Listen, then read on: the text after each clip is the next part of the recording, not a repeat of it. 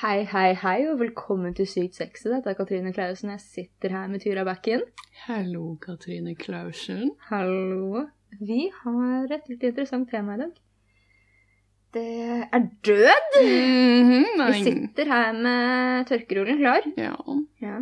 Og krystallen. Og krystallen i hånda. Det er triste guttetimer. Det er triste guttetimer i Triste dag. guttetimer. Mm. Um, min bestemor Mm. døde natt til i dag.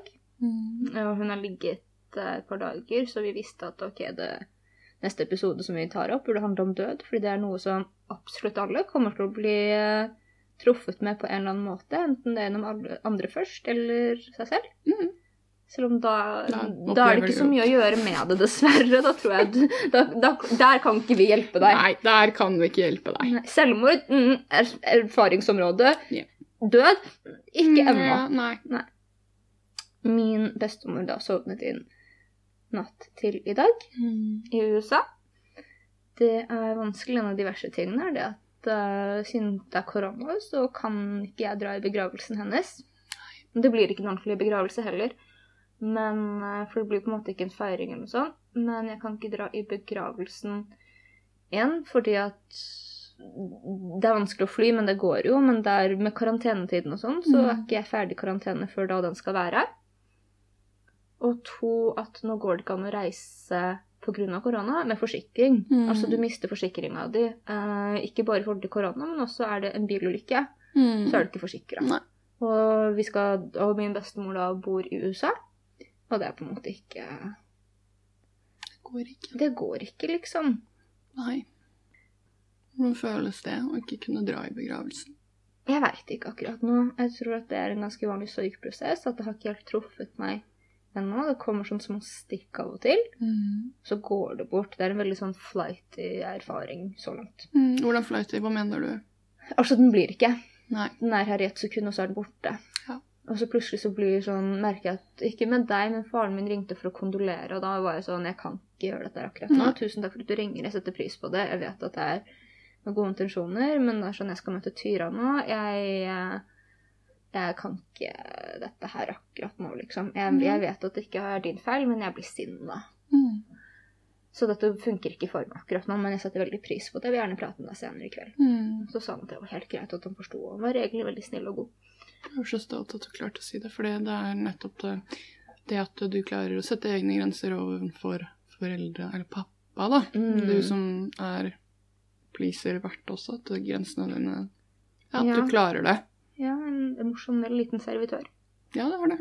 Men i hvert fall, min bestemor, kul dame, skikkelig søt, lavere enn meg, jeg er 1,57, og hun rakk meg til liksom kragebeinet. Eh, og døv, så vi mista henne veldig. Hun, er, hun var veldig glad i shopping, vi mista henne masse i butikken, i klesbutikkene. For vi kunne jo ikke se henne over liksom der hvor klærne hang. Og med tanke på at hun var døv, så kunne vi ikke rope Eller ganske død, så kunne vi ikke rope etter henne, for hun hørte oss ikke. Så vi bare God damn it, where's grandma? og så måtte vi løpe rundt for å finne grandma. Å, herregud, det er så søtt. Mm. Dere burde hatt sånn um... Liten ballong på henne. Ja! Ja, liten heliumballong. Ja! Festa til kragen hennes. Jævlig søtt. Men nei, hun eh, ville runde 100 år, og det gjorde hun. Å, fy. Faen meg. Eh, gammel dame. Runda 100 år 12. august. Bodde hjemme hele perioden. Ikke alt sammen alene, men måtte ikke inn på pleiehjem, bortsett fra de gangene hvor hun tryna. Hun brakk jo nakken en gang. Hun var sånn 97. Ja, hun tryna Hun er så seig. Ting som hadde knekt meg på et sekund, har hun overlevd. Hun tryna baklengs ned kjellertrappa Nei. og knakk nakken. Og overlevde. Og overlevde. I en alder av 97. Ja, sånn 97-98. Gud. Ja. Det er så sjukt. Ja, ja, ja. Så det er sånne der type ting som måtte inn på pleiehjem. Hun fikk urinveisinfeksjon denne høsten. Mm. Det er ikke så mange som vet, men det kan utløse psykose i gamle mennesker. Ja. Altså hun ble litt wow! Mm. Eh, I tillegg så har hun jo da fått Alzheimers bare fordi hun er så gammel. Ja. Så det er sånt som skjer, liksom. Mm. Det var ikke noe, det utvikla seg sakte. Kom Mm, hun er gammel, mm. så utvikla seg sakte. Men den lille komboen der gjorde henne litt småkoko. Som var skikkelig søt, men da den urinveisinfeksjonen så sto hun på pleiehjemmet, og av da korona så måtte mamma og de besøkende stå på andre siden av vinduet hennes. Og så sto hun inne der, og så var det en dag hvor hun sto der uten bukser på. Og så sier hun Og hun er fly forbanna. Hun er så sinna, den dama. Og hun står der og bare I natt klokka fire på natta så kom sykepleieren inn, malte hele rommet mitt, tok alle hyllene jeg hadde på veggene ned, og stjal 30 000 dollar. Og så sier tanta mi for det første, mamma, veggene dine er akkurat samme farge som de var da jeg var her i går. Du hadde alltid hyller hengende på veggene. Mm. Og da du kom inn hit, så hadde du bare 40 dollar i lommeboka, så jeg tror det går bra. Og bestemoren min bare bullshit, så stormer hun ut av rommet sitt for å kjefte på sykepleieren bukseløs. Jeg hører sånn mye jeg ser for meg hun bitte lille dama løper ut. Illsint! Å, Hun skal ta dem. Åh. ja, nydelig lite vesen. Søteste lille ting. Og sassy. Sassy og søt og veldig glad i oppmerksomhet og vet at liksom Vet, vet hva hun er verdt. Ja. Ja. Veldig sånn Å, alle liker meg. Selvfølgelig. Ja. Åh. Selvfølgelig. Veldig Selvfølgelig. Selvfølgelig. Um, men de siste dagene, eller kanskje ukene, jeg er litt usikker på akkurat utviklingen, men det ble mer sånn at hun falt mye. Hun kom Mm. hjem igjen da, åpenbart, for dette pleiesenteret, falt mye, og begynte å ha det problemet med at hun låste seg ut på kvelden for at hun hørte at folk ropte på henne utafor. Åh. og så nå i de siste dagene så ble det sånn at hun uh, begynte å slite med å puste, og begynte å være mer, mye mer ubevisst enn det hun var bevisst. Og så har det utvikla seg over de siste sånn, kanskje tre dagene da med at hun har egentlig ikke har vært responsiv. Mm. Det var den ene dagen så våkna hun litt mens mamma var der. Så så hun på mamma, og så sa hun 'Oh, there's my baby'. Eh, og så da jeg snakket med mamma senest på telefonen i går, for jeg fikk vite at hun hadde sovna i natt, men fikk jeg vite da jeg våkna, um, og så hadde mamma sagt at hun bare hadde vært responsiv i sånn fem sekunder, og det hadde vært i forhold til at mamma hadde spurt om hun ville ha vann, og så hadde hun svart 'no more'. Og det Mm. var det, ellers så hadde de ikke fått kontakt med henne hvis de prata eller noe sånt. Så hun har på en måte vært veldig heldig og fått lov til å stille sovne inn i egen seng med familien rundt seg og holdt henne i hånda. Det er så fint. Ja. Så hun har vært veldig heldig. Altså, jeg vet ikke, jeg sitter på en måte ikke med sånn veldig stor sorg. Jeg tror det kommer etter hvert, for hun var en sabla fin dame. Så ja. Død er jo et veldig viktig tema. Det er det Grinegutt. Ja, grinegutt. Uh, død er et veldig viktig tema, for det er som sagt noen ting vi alle sammen blir berørt av på en eller annen måte. Ja. Uh, I USA, i statistikk, det er det som er lettest for min del for å google på, Mm.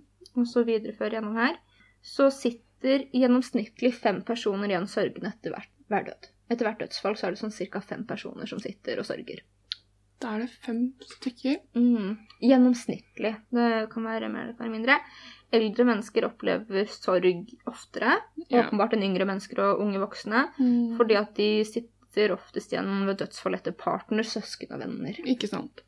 Det er noe ikke vi sitter så mye på. Nei. Eh, det er estimert at 5 av barn i USA har mistet en eller begge foreldrene før fylte 15 år. Det er så tidlig, det. Det er skikkelig tidlig. Uh, og det er noen ting som heter kompleks sorg. Mm. Og det er når sorgen er så stor og overveldende og kraftfull at det ikke kan se ut som at den har noe ende. Mm. Eh, og da er det 10-20 20? 10-20 er amerikanere. Mhm. du. 10-20% av borg, borgere Jeg skal sørgere, men det ser ut som det står borgere. 10-20% av sørgere får kompleks sorg Mm. etter et dødsfall. Jeg lurer på da, er det den komplekse sorgen Tror du denne er mer i, i Vesten kontra andre deler av verden? Fordi vi klarer ikke å prosessere det, fordi vi er så redd Eller ofte at man er så redd sine egne følelser? Interessant. Jeg tror det faktisk ikke. fordi at hvis du ser på i andre land, sånn som India f.eks., hvor sterke familierelasjonene Mm. er med at man gjerne sant, flytter inn og bor med Mm. foreldrene sine, liksom. Mm. Tenk hvis du har bodd med mammaen din fram til du er 50 år gammel, og så dør hun liksom og setter ned hver dag. Jeg tror nesten at det kan være en større omveltning av livet. Ja. Så jeg vet ikke. Nei, det begynte å bli Interessant tematikk. Jeg har ikke peiling. Jeg tror det kan Kanskje. Kanskje ikke. Mm. Så tror jeg da, hvis man har et større fellesskap, da at man sørger mye mer i gruppe. Jeg tror kanskje i Vesten så sørger vi mer i ensomheten, Ja, alene. tror jeg. Tror jeg, jeg vet ikke. Det bare begynte plutselig å tenke på det. Jeg vet ikke. Kanskje. Samtidig så er det liksom hva personen er for deg. Ja. Og det er liksom Jeg tror at vi har sterke ikke noen sterke relasjoner, men jeg vet ikke. Jeg tror bare at man er mer involvert i hverandre sitt liv i andre Mm. land som oftest. Ja. Jeg vet ikke. Men du har også mistet Du har en veldig vakker historie, syns jeg, om hvordan du mistet din bestefar Ja. Johannes. Besteste bestefar. Mm. Han ble jo 95. Han òg var han, Hvis du spurte bestefar hvor han ville være i hele verden, så Mm. sa han alltid på gården. Han ville bare være på Mm. gården. Uh, og han var frisk helt til Han overlevde alt. Han hadde kreft alt mulig. Opp og nikke liksom, opp Mm. gjentatte ganger. Men så ble han dårlig rett etter han ble 95. Mm. Og da var det en uke, og jeg er veldig, veldig, veldig knytta til bestefaren min. Mm. Jeg er oppvokst med han. Mm. Um, den uken, så hver dag etter jobb, så gikk jeg opp til han, for vi, jeg var på kjøkkenet på pleiehjemmet han bodde på. Ja. Yes. Så jeg kom alltid opp til han etter jobb, fikk han ut så han fikk røyka pipa si. Mhm. Det var viktig. Eh, det var jo da selvfølgelig starten av uken, så ble han jo dårligere og dårligere. Mm. Um, og så da mot de siste dagene, så ble han jo veldig urolig. Og da holdt jeg han i hånden og leste Hadelandshistorier for han. Mm. Og da var han rolig. Og siste dagen Det er jo veldig spesielt å se at mennesket du har alltid sett opp til, være liten Mm. i bleie og rope, liksom. Mm. Um, så siste dagen jeg satt hos han, da jeg visste at nå skjer det, for han var ikke noe respons, på en måte, Mm. sier han plutselig bare sånn Nå ser jeg de. Mhm. Nå kommer jeg, liksom. Så spurte jeg hvem. Og da sa han kona si, da, bestemor, og mammaen sin. Mm. Og rett etterpå så gikk han. Det er veldig fint. Mm. Så man blir jo veldig sånn mm, Når noen dør, er det en slags Hva skjer i hjernen? For de sier at det utløser noe helt sinnssykt kjemika altså kjemikalier. Ja, ja, ja. Det er veldig sterkt. Mm, så om det på en måte er som LSD, eller om man oppriktig ser på en måte død Altså, jeg lurer på hva er hva? Mm. Ja, hva er en spirituell opplevelse versus hva er det bare det at programmet kortslutter? Mm, Hva er hva? Er hva? mm, Men disse to opplevelsene er på en måte veldig vakre opplevelser. veldig. Eh, og, Og naturlige. og naturlige, og da gjennom det på en måte gir en litt lettere sorgprosess. Jeg leste også at det finnes forskjellige typer sorger òg. Okay. Nå er det død vi spesifikt prater om, men det kan også være sorg av å miste et partnerskap. Ja. Miste jobb, miste helsen sin. Ja. Eh, og da tenkte jeg på, fordi pappaen min ble veldig syk, faren min hadde uh, utpustning på livspulsåra Mm, uh, da jeg var sånn 21-22. Og selv om ikke det var en sorg av at jeg mista han, så var jeg redd for at jeg skulle gjøre det. mm, Jeg tror jeg opplevde veldig en sorg for at jeg har brukt så mye av livet mitt på å være så sinna på pappaen min. ja. Og virkelig hate han. Jeg vet at det var deler av, altså, og også vært veldig glad i han, men det har vært deler av barndommen min hvor jeg genuint har ønska han død. Mm. Og som virkelig sånn genuint tvers gjennom har ønska han død. Ja. Og så plutselig bli facet med den realiteten. Det var veldig tungt. Jeg tror ikke jeg har skjønt før nå at det var en form for sorgprosess. Det òg at jeg var redd for at han skulle dø, og plutselig da satt igjen med en veldig intens skyldfølelse. Mm. Skam. Skam, men også sånn skyldfølelse at dette her har jeg gått rundt og ønska, og også nesten på en rar måte nesten litt sånn kvalme av meg selv, og ikke bare på grunn av å ønske noe at han skulle dø, men samtidig føle nesten på en svakhet av at jeg kunne bli lei meg. Ja. Og nesten en sånn selvforakt av at det var vanskelig for meg å være redd for å face på en måte den å miste pappaen min. Mm. Så jeg tror også at det er noe som jeg tenker også som kanskje er veldig vanskelig for folk som sitter igjen med da spesielt etter at en forelder kanskje har dødd, da, og de har hatt en veldig vanskelig relasjon til dem, Mm. og at man sitter igjen at det er en kombinasjon av genuint hat, Ja. og så veldig mye kjærlighet, og veldig mye For det er liksom det også som en foreldre Så jeg tror at folk som ikke har vokst opp i vanskelige relasjoner til foreldrene sine, forstår, er at der hvor det er dårlig, så er det også gjerne like mye bra. Og det er fortsatt den sånn veldig lojaliteten og kjærligheten. Og det er liksom på en måte Ja, sånn og sånn har skjedd, men det er jo Mm. pappa. Mm. Det er jo Det finnes jo ikke noe mer trofast enn et barn til foreldrene sine. Nei, ikke sant? Lojalt og trofast. Du Mm. finner ikke noe mer. Nei, du gjør ikke det. Nei. Så det er på en måte Jeg tror Det må være veldig vanskelig. Og det er noen ting jeg har tenkt på mye i etterkant også. At hva gjør jeg den dagen pappa dør? Fordi at jeg tror jeg kommer til å bli skikkelig knust. Mm. Ikke bare fordi at jeg er så glad i ham, men fordi at det er en så vanskelig relasjon. Og det er hvordan begraver man noe sånn? Mm. Ja, det Den sitter langt inne. Det Mm. eh, Jeg kan relatere til Jeg plutselig forsto at foreldrene mine kom jo til å dø. Mm. Um, man, jeg begynte jeg, Fra jeg var barna, Mm. begynte den sorgprosessen allerede. Mm. Fordi um, Ja, hva gjør man? Mm. Jeg husker jeg så tenkte mye på det da jeg var barn, men når mamma nevnte det, så bare begynte jeg å Ja. gråte. Mm, Jeg bare ikke si det, Ja. liksom. Bare ja, men det kommer til å skje, ja, men ikke si det. ja. Mm, og nå begynner jo foreldrene våre å bli voksne, liksom. Ja. Godt voksne og gamle gubber. Ja, godt voksne og gamle gubber. Mm. burde starte klubben. godt voksne og gamle gubber. Kanskje de kan bli klubbledere. Ja. Um, du har vært gjennom en sorgprosess som er veldig heavy. Ja. Du har hatt kompleks sorg. Ja, og Som- har det. Har, har det. Som tror- har ja. vært diagnosert først som en posttraumatisk stresslidelse, som sier noe om hvor hardt sorg kan, kan påvirke oss som mennesker. Mm. Kan du fortelle litt om uh, Mm. Jeg beklager på forhånd. Jeg begynner choker allerede på liksom gråten. helt nå? Em, jeg Det er jo en veldig vakker historie. Mm, veldig. Mm. Eh, jeg eh, matchet med en eh, raring på Tinder. Vi snakket sammen på FaceChat, sånn um, videochat. ja. Et halvt, eh, et halvt eh, døgn. Jeg var våken. Oi. um, da vi la på, så bestemte vi oss for å møtes samme dag. Mm. Eh, jeg tar toget inn til Oslo, Mm. eh, og da står det en, eh, en liten fjomp i islending og topplue. Mm. Ikke akkurat min type, egentlig. Og så sa han bare sånn Vi gjorde Vi gikk ned til Akerselven og akte. Mm. og gjorde masse rare greier, og jeg bare falt hodestupt for han. Mm. Men jeg visste at han skulle Han hadde snakket om at han var bipolar. Mm.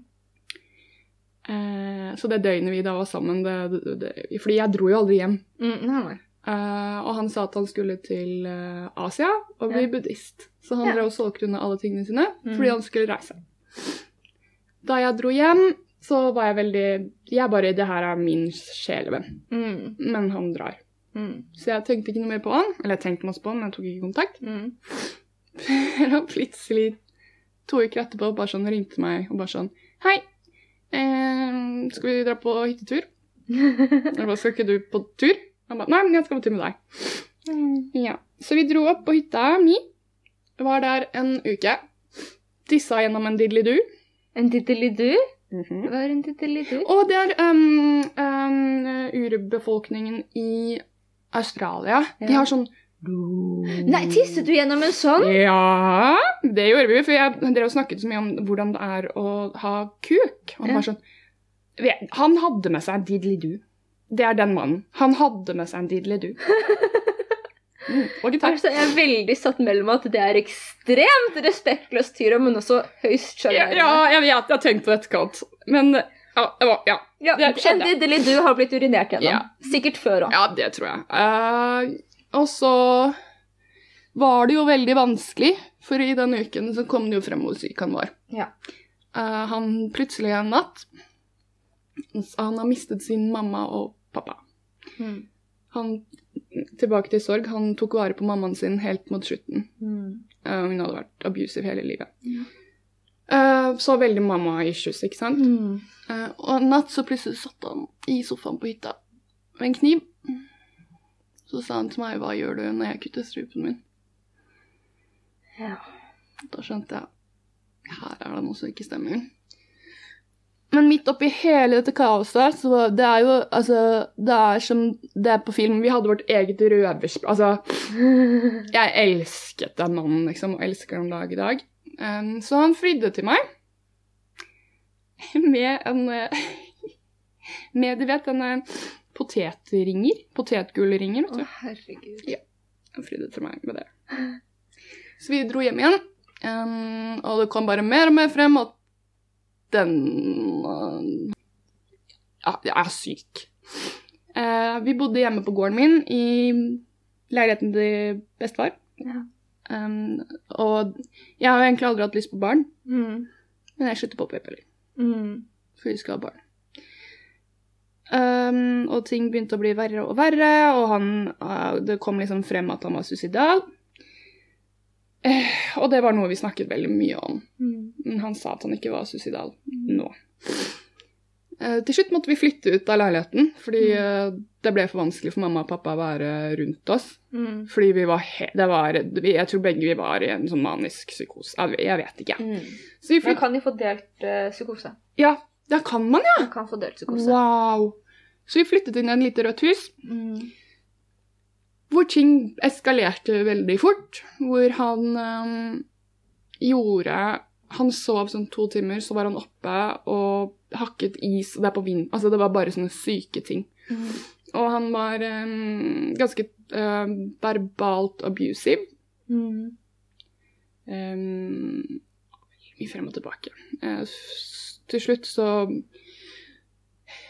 En eh, kveld ble jeg kasta ut.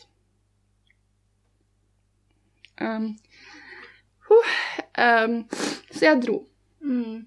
Plutselig, to uker etterpå Det her skjedde over fire måneder. Plutselig, og da flyttet jeg jo hjem til mamma og pappa, Mm. og de var sånn 'takk Gud'. Og aldri gå tilbake til han, liksom. Mm. Fordi han har vært hjemme på gården og trua hele familien og kasta tingene mine overalt. Ja. Jeg var ikke hjemme da. En vinterdag satt jeg med pappa, og så plutselig ringer det på. Mm. Der står jo han. Mm. Så jeg går ut til han, og pappa sa bare sånn Drar du nå? Så er det over, på en måte. Mm. Og jeg hadde også, det det er litt relevant akkurat det her, jeg hadde planlagt at jeg skulle lage til middag til mamma og pappa den dagen, og det skal ha pannekaker. Mm. Så jeg lover dem at jeg skal komme tilbake igjen. Mm. Så jeg drar. Han har gått i en, en mil i bitende kulde. Jeg kjører hjem til huset vårt igjen, Mm. og han bare sier unnskyld, jeg, vet ikke hvordan jeg klarer å gjøre det her med en kjæresten min som skal ha barna mine, liksom. Mm. Så masse frem og tilbake. Vi har beste sexen jeg har hatt i hele mitt liv. Og det er så pinlig, men samtidig så fint, er at um, um, Etter vi hatt sex, så sier han Jeg blir aldri borte. Hvis du går ut og ser Og det er så klisjé. Ser vinden i trærne, eller hører fuglene er der. Og så sier han Vær så snill å slutte å ruse deg, liksom. Og jeg elsker deg. Og så har jeg så dårlig tid, for jeg må hjem og lage de fuckings pannekakene. Og liksom, det siste jeg ser, er han bare naken med kakaobart, for vi hadde drukket kakao i senga. og, og det bare Jeg skjønner at det er en eller annen magefølelse som bare sier at nå ser jeg han ikke igjen. Jeg drar hjem, lager de helvetes pannekakene, liksom. Og så drar jeg innom huset vårt et par ganger, for jeg er bare sånn Hvor er han, liksom? Og en kveld så får jeg plutselig en, en DM av noen jeg ikke kjenner. Der det står at eh, Peter har funnet eh, ved Østensjøvannet, Mm. der han har spredd asken til mammaen sin, um, i dress. og pakket med seg de fineste tingene og lagt det ved siden av seg. Og en av lappene mine og alle sånne ting han elsket som barn. Så har han lagt ved siden av. Og så har han hengt jakken sin på en sånn tre. En, kvist. Bare sånn gjort alt veldig pent og pyntelig. Og så har han Det er jo litt voldsom detalj, men han har tatt lissen av penskoene sine, knyttet rundt overarmen. Så to bare kjempedoser heroin, liksom. Og dette her får jeg høre av mennesker jeg ikke kjenner. Og det første jeg tenker, er hvordan i helvete kunne jeg lage fuckings pannekaker, ikke sant? Hvordan kunne jeg stoppa det her? Fordi jeg, jeg, jeg var der at jeg, jeg kunne vært hos han samtidig mens han døde. Liksom. Jeg kunne holdt han i hånden mens han satt og de skuddene. Det er den tanken du har. Mm. Og bare sånn ekstrem skyldfølelse. Hvordan kunne jeg? Og det var så mye skyld, og så fucking forferdelig. Uh, og det det ender med, eller det som skjer videre, er at jeg får ikke lov av familien min å sørge. Fordi de hadde jo et veldig vanskelig forhold til ham. De elsket han egentlig, Mm. fordi han var helt fantastisk. Mm. Men de var sånn Nå må du slutte. Det var fire måneder av livet ditt. Nå er det nok. Det her går ikke, liksom. Så jeg ble sendt bort. Uh, nei, først var jeg på likeskue. Og da fikk jeg beskjed av familien hans at uh, jeg kjente han ikke før han var syk når han var med meg. Mm. Så jeg, jeg fikk ikke lov til å gå inn først og se han. Det skulle eksen hans. Ja. Og det er det verste, for etter den, den episoden Fordi jeg tar jo på kroppen hans og bare sånn Mm. Så har han sånne fine runer i hendene som han har kuttet Ja, han var jo veldig spirituell, så han hadde jo møtt noen samer som hadde carva inn i håndflaten, og de andre var sånn Hva er det her for noe? Mens jeg begynte Jeg lo og gråt samtidig, for jeg bare sånn Selvfølgelig har du det. Mm. Og det var helt Helt jævlig å se han. Um, og det er bare sånn, du har lyst til å bare filleriste det mennesket for å bare få det til å våkne. Mm. Så det, Jeg får bare ingen Jeg får ikke lov til å sørge av familien min. Jeg får, jeg får ikke ta del av Peter på grunn av at familien hans mener at jeg ikke noe der å gjøre, på en måte. Mm. Og alt bare Det bare faller sammen. Og det jeg velger etter hvert, er jo Først så jeg, jeg- drar jeg til broren min for å pusse båt og være med han. Mm. Han er jo fin. Så kommer jeg hjem. Skal jeg egentlig hjem igjen Mm. til mamma og pappa. Men jeg velger Når jeg sitter på flyet fra Haugesund, så velger jeg å ikke dra hjem, og heller bare dra rett tilbake i et rusmiljø som bare overtar alt. Og jeg sitter og tenker sånn Jeg lovet jo han at jeg skulle bli Jeg skulle ikke ta dop. Det var den siste jeg lovet han. Men jeg klarte ikke å Jeg ville bare dø med han. Mm. Så det eskalerer jo ganske heftig før blir lagt inn. Jeg husker ikke, for det er så mye dissosiering, liksom. Men det ender med at jeg blir lagt inn, og at jeg prøver å stikke av. Og på perm, de permene jeg hadde, så dro jeg bare hadde sex med masse mennesker. Jeg ville bare føle, eller jeg ville Mm. ikke føle. Mm. Um, og det var bare så mye ting, fordi det var bare nummen, liksom. Og da var jo på en måte alt det gikk bare nedover. Uh, så ble jeg jo da diagnosert med PTSD. Mm.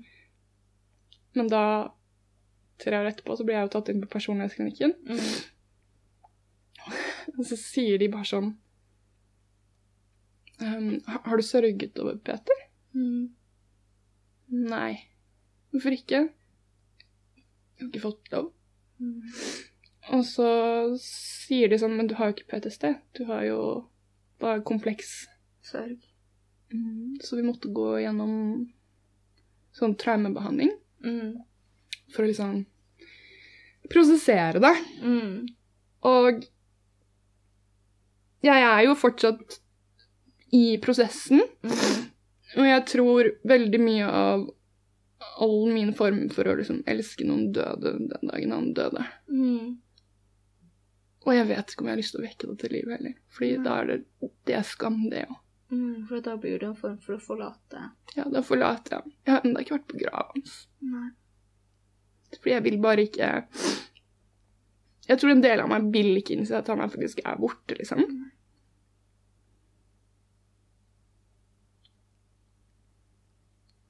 Og ja, det er mye, mye skyld helt sinnssykt mye skyld, men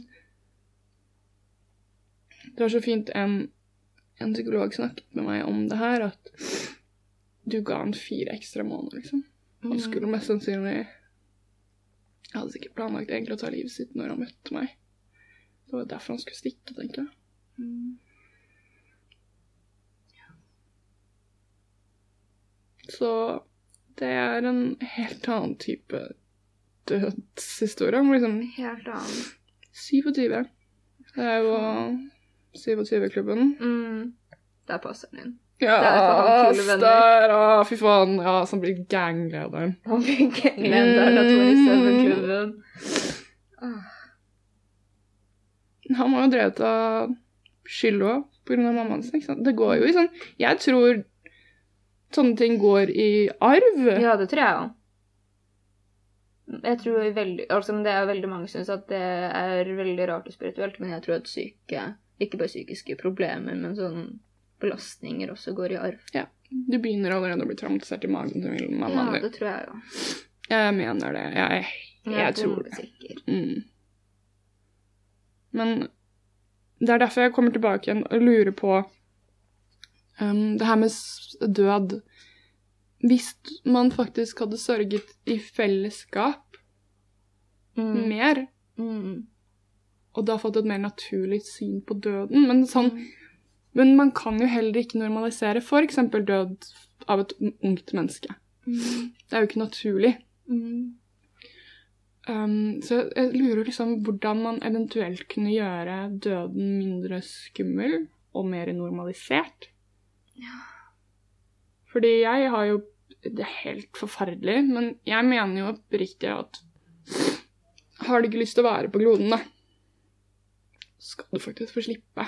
Ja, det prater vi også i den selvmordsepisoden. Ja. At psykologen min hadde sagt til meg. Og jeg er enig. Jeg syns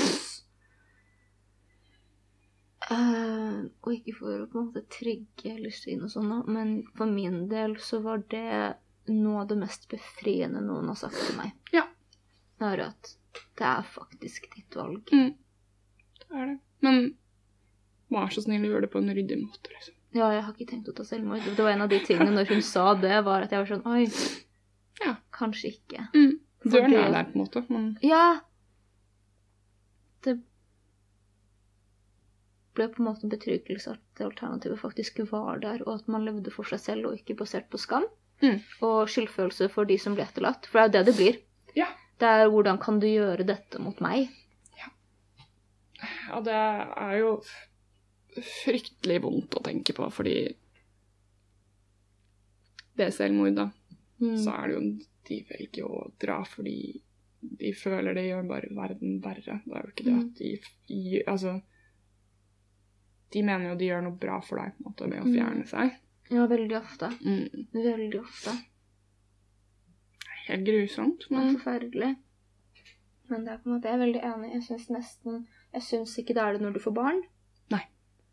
For da må du på en måte være der. Ja. Um, men jeg syns før det at det er en menneskerett å få lov til å dø. Til samme grad som det er lov å leve. Aktiv dødshjelp. Hva tenker du om aktiv dødshjelp? Fuck it. Ja, ikke sant? Ja, ja, ja, ja, ja. Om det er det du vil, så ja.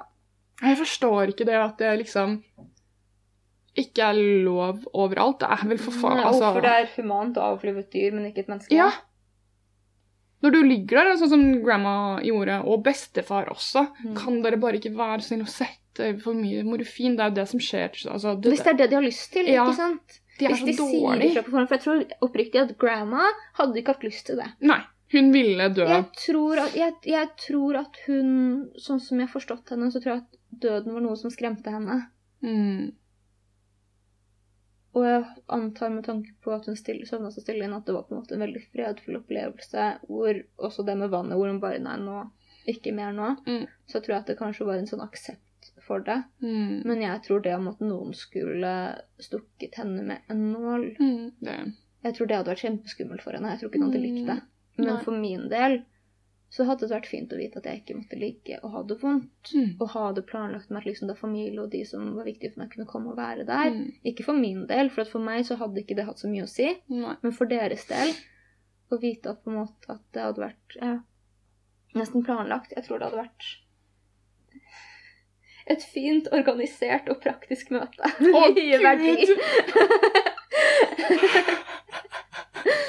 Men ja, apropos det du sa også angående med at vi begynner å få traumer allerede vi ligger i magen til mamma. Mm. Da jeg var jo på en sånn hypnosetype greie. Ja. Og da var det at vi skulle se i forhold til når jeg hadde fått det behovet for å beskytte min mor. Ja. Når det var at jeg begynte å legge henne over meg. Og da så spurte de det spørsmålet når jeg var i en sånn meditativ tilstand. Og så kan man være skeptisk eller ikke, det driter jeg litt i. Men det som jeg uansett punktet prikke sa da, var da jeg begynte å få tær. Da jeg utvikla tær, var da jeg bestemte meg. Eller var da jeg opplevde det som min på en måte jobb. Å passe på mammaen min. Begynte å få tær. Jeg begynte å få tær. Wow. Mm. wow. Mm. Ifølge helpguide.org Mm. så er det noen råd som man kan følge i forhold til en sorgprosess. Det Mm. kommer til å være vanskelig uansett. Ja. Men noen av de tingene for å komme seg gjennom den Første er å anerkjenne smerten sin. Mm. Og godta at man har vondt, Mm. eh, og ikke prøve å stritte imot. Ja. Nummer to er å akseptere at sorg kan ha mange forskjellige og uforventede følelser. Eh, sånn som da med meg og min far, da. Selv om det ikke var en sorg av død, men Mm. en sorg gjennom på en måte at det kan hende jeg mister noen ting her, hvor jeg har et så ambivalent forhold. Mm. Og da at det er veldig uforventet å sitte og være sinna på den Mm. måten, og det er sånn eh, Sorg også kan jo være gjennom hjertesorg og sånn, og jeg, det trigger mani i meg. Gjør det det? Ja. Hypomani, da. Ikke glad hypomani, men Nei. engstelig. Den er Mm. konstant sånn rastløs og sånn, Mm. sånn eh, Nesten sånn hyperventilere leingen. 'Kom, nå skal vi ha det kjempegøy.' Nesten som om jeg er superrusa. Ah. Eh, det, trigger, det er den verste eh, Det er da jeg blir mest høyt oppe, Mm. men jeg blir ikke glad, liksom. Mm. Og det er på en måte også noe som at det kan trigge veldig forskjellige ting. Det, og du ikke forvente at jeg skal være lei meg, og så sitter du der bare her, men jeg er bare sykt kåt, liksom. Ja, det er det For som du, skjer du, nå, du liksom. kan bli kåt, liksom. Ja. For du vil bare ha den intimiteten. Ja. Og det er en måte å avlede seg på. Så bare Det er greit, liksom. Mm.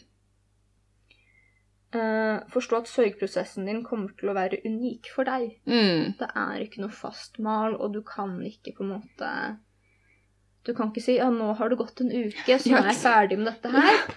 Eh, og at det kommer og går. Ja. Fire er å oppsøke face-to-face-kontakt med støtte fra mennesker som bryr seg om deg. Mm.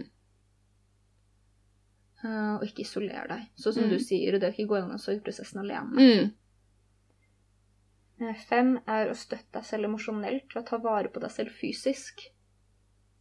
Ja, men Det er det mange som gjør. ikke sant? Ikke spiser sunt, ikke kommer seg ut, ikke rydder, ikke vasker seg. Og det er på en måte å helle litt bensin på bålet. Ja, det det. Selv om det er veldig vanskelig å på en måte ta seg sammen på den Ja. måten, for det blir en måte å ta seg sammen på, Mm. så er det det, det det gjør det fortsatt jævlig vondt, men det er litt mindre dritt eh, sitte og gråte i rene klær etter å ha vært på matbutikken enn å blakke seg fordi man har bestilt Peppers Pizza i en uke og ikke dusja. Ja, helt. Og da kan man jo eksempel da få hjelp fra støttespilleren som man får spørre, da. Ja. At, fordi det kanskje er for vanskelig å klare det alene, nettopp. Alle de der Mm. tingene Ja. der. Men få hjelp Mm. av de som er glad i deg. Ja, du hadde en venninne som stilte opp skikkelig etter at Peter døde. Ja. Liksom dusja deg og rydda, Mm. og der Mata meg. mata deg. Av og til så er det sånn. Ja. At man trenger det, og ikke ha Mm. skam rundt deg. Og nummer seks er å forstå forskjellen mellom sorg og depresjon. Å, den er interessant. Ja. Mm. Hmm. Hvordan kan man kjenne forskjell på det? Vil det være sånn Hvordan kjenner man det?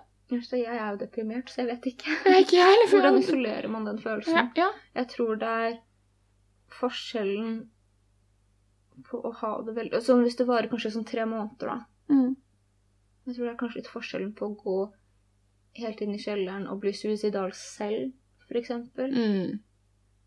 Eh, kanskje den forskjellen på å ville isolere seg selv og det å være kontaktsøkende. Jeg vet ikke, men jeg syns den er interessant, og jeg syns den er verdt å på en måte tenke over. Mm. Ja, det er kanskje det man kan da finne um, når man da Iallfall for man som opple har opplevd psykiske plager, da. At minne seg selv på det at fordi jeg, jeg kan også tenke fuck, nå er jeg deprimert. Liksom, nå Mm. skjer det. Men da klarer hun å minne seg selv på sånn som da hvis du har mistet noen, eller er i en sorg Mm. fordi du har mistet en, et forhold, et eller annet. Bare sånn, jeg er i en sorgprosess, liksom. Mm. Det er ikke Ja, depresjon. Veldig. Jeg sørger. Jeg sørger, og jeg tror også det er veldig det du sier. Jeg tror det er dritviktig. Jeg tror også det er viktig å forstå at Sånn som Egentlig følte det du sier om men forstå at sånn selv om jeg sørger nå, og det er vondt nå, betyr det ikke at livet er meningsløst. Ja. Og ikke liksom la det fòre de depressive tendensene Mm. sine også. Mm. Som henger i hop akkurat med det Mm. du sier. For man, ja, fordi man opplever ofte det her med selvpisking. Så iallfall for min del, etter jeg mista Peter, så var det sånn Jeg selvskadet igjennom f.eks. å gjentatt høre på gamle sanger vi hørte på. Mm. Og det ble helt sånn manisk på det, da. Mm. Og det var kanskje derfor og familien min bare sånn Nå holder det, på en måte. Ikke det kanskje for at dere kjente hverandre fire måneder. Det er nok. Nå holder det. Jeg tror kanskje det kommer fra kjærlighet. Det er bare sånn Nå må Ja, du men de sa det veldig fort òg, da. Ja, de gjorde det. Det var tre dager. så, Liksom. Ja, så jeg mm. Mm. Men ikke gjøre selv, sorg, sorgselvskading. Ja, selvskading er Har du noen gang fått sånn lapp fra legen om selvskading? Og så er det når det er sånn til kartlegging og psykolog og sånn, jeg hadde det Mm. gjennom tennene. Og så skal man skrive ned hvor mange ganger hvor ofte man selvskader seg og sånne type ting for å Mm. kartlegge det. Mm. Da er det jo ikke bare selvskading som er der. Mm. Det er jo rus, det er risikosex, Mm. det er liksom sånne der type ting. Um, sånn som har prata om òg, hvor sånn selvovergrep er jo selvskading. Det er det. Eh, Når du har sex med noen du ikke vil, og sånne der type ting. Um, og jeg tror også det å bevisst oppsøke smerte emosjonelt også er selvskading. Ja. Jeg tror at det er en utrenselsesprosess, Mm. så man må gjerne høre på noen triste kjærlighetssanger. Mm. Men når man liksom Oi, nå har jeg det bra, nå skal jeg gå i kjelleren og ha det vondt, for det er det jeg fortjener. Mm. Da er vi på en måte på selvpisking, Mm. og det å forstå at det ikke er produktivt. Ja, for det er det ikke. Det er ikke det. Det er rens ut, men eh, du må bygge deg selv opp til et visst punkt. Mm. Du må bare ta avstand fra Ja. det en stund. Jeg måtte Enda ikke klart det, da. Jeg klarer ikke å slette Facebook-samtalen til Peter og meg, f.eks. Det går ikke. Men Hvorfor er det noe du mener? at Du leser du ofte gjennom dem? Ikke nå lenger, men jeg gjorde det Mm. kontinuerlig før. Mm. Og ikke på en bra måte. Og gikk hele tiden inn på um, minnegruppen Mm. og så videoene, og det var bare sånn Bare for å ha det vondt, ikke for å Mm. liksom minne seg om eh, godhet, da. Mm. Det gjør jeg ikke så. Jeg går inn sjeldnere og sjeldnere, men bare sånn for å se han, høre han. Jeg vet ikke om det faktisk er selvskading i det enda, fordi jeg er jo livredd for å glemme han. Mm. Jeg er kjemperedd for det, liksom. Som om det er et alternativ. Ikke sånn. Jeg er ikke det. Nei. Så ja. Det har jeg ikke tenkt på, faktisk. Nei. Og det er liksom det å forstå, selv om det ikke sto på helsesorg, men jeg tenker i forhold til da kompleks sorg, forstå at det gjenspeiler seg i andre relasjoner. Sånn som krangelen vår. Det Mm. har jeg tatt med deg, og så tror jeg det var en stund hvor du ikke syntes det var kult at jeg gjorde det. Mm. Men jeg sa fortsatt ifra at bare Mm. du, jeg tror dette er noe du må se på. Mm. Og det var jo den perioden vi bodde sammen. Ja. Så sa du veldig mye 'det er så fint å bo med deg', for det minner meg så mye om da Mm. jeg bodde med Peter. Mm. Og det er ikke det at vi er så like, annet enn at vi er to bipolare, spirituelle små jævler som liker å gjøre ting hjemmelagd og liker strikkegensere. Yes. Og liker aking og tull og tøys. Ja. Men det er liksom noen ting ved Jeg mista Peter, så jeg skal i hvert fall ikke miste deg. Mm. Det er jo sånn som når vi satt på um, Noahs ark, og så hadde du drukket to øl, så Mm. snur du deg til meg med tårer i øynene og sier 'Jeg gruer meg til dagen du gifter deg, for Mm. da skal du ikke ha meg mer'. Mm. Det er jo det Man gjør det Mm. Underbevisst. Underbevisst og bare med gode intensjoner og bare med kjærlighet. Men ja, det, er veldig det. Og det, det blir til slutt som å liksom Det er som om du har vondt i kneet, da. Mm. I starten så tenker du 'fuck, det kneet det er vondt hele tiden', og du merker Mm. det. Men så går du så lenge på det kneet, så det gjør ikke vondt lenger, men Mm. du, du, du, for- du tilegner deg f.eks. et annet ganglag, alle Mm. mulige ting, for å liksom kunne leve med det. Mm. Og jeg tror det er det man gjør med en kompleks sorg Mm. også, hvis det gir noe mening. Mm. Og som jeg sa til deg i sted, jeg, jeg har nesten begynt Det er kanskje ikke, det er feil å si det, og jeg kan ikke gjøre alt om til en kink, men at jeg nesten fetisjerer han, fordi jeg har fått fetisjering av eh, kroppsformen hans. Mm. Skinna menn. Mm. Du vet at mamma har kommentert til deg Du får alle dine mm, guttekjærester til å skinne seg. Mm. Uh, og de må alltid ha høye kinnmunn. Mm. Sånn og sånn må de se ut. Mm. Og jeg Fetisjerer jeg min avdøde forlovede? Liksom? Er det det jeg driver med? Jeg tror ikke fetisjering er riktig ord, men jeg Nei. tror det at du prøver å gjenskape han. Mm. Tusen takk for at dere hørte på denne gangen. Det er en heavy episode, men jeg tror den er kjempesunn for mange. Ja. Jeg tror det er eh, Av og til så er ting veldig trist, men også veldig fint. Ja, da er det noe fint på det. Noen ting veldig vakkert, syns jeg, å høre når du prater om Peter. Åh, Hun begynner å gråte sjæl, og jeg er jo steinkald. bitch. jeg elsker deg, Tura Bakken. Tusen takk for at dere hørte på i dag. Dere er snille og kule gutter. Ja. Takk for denne gang. Sayonara. Sayonara. Ha det. Ha det!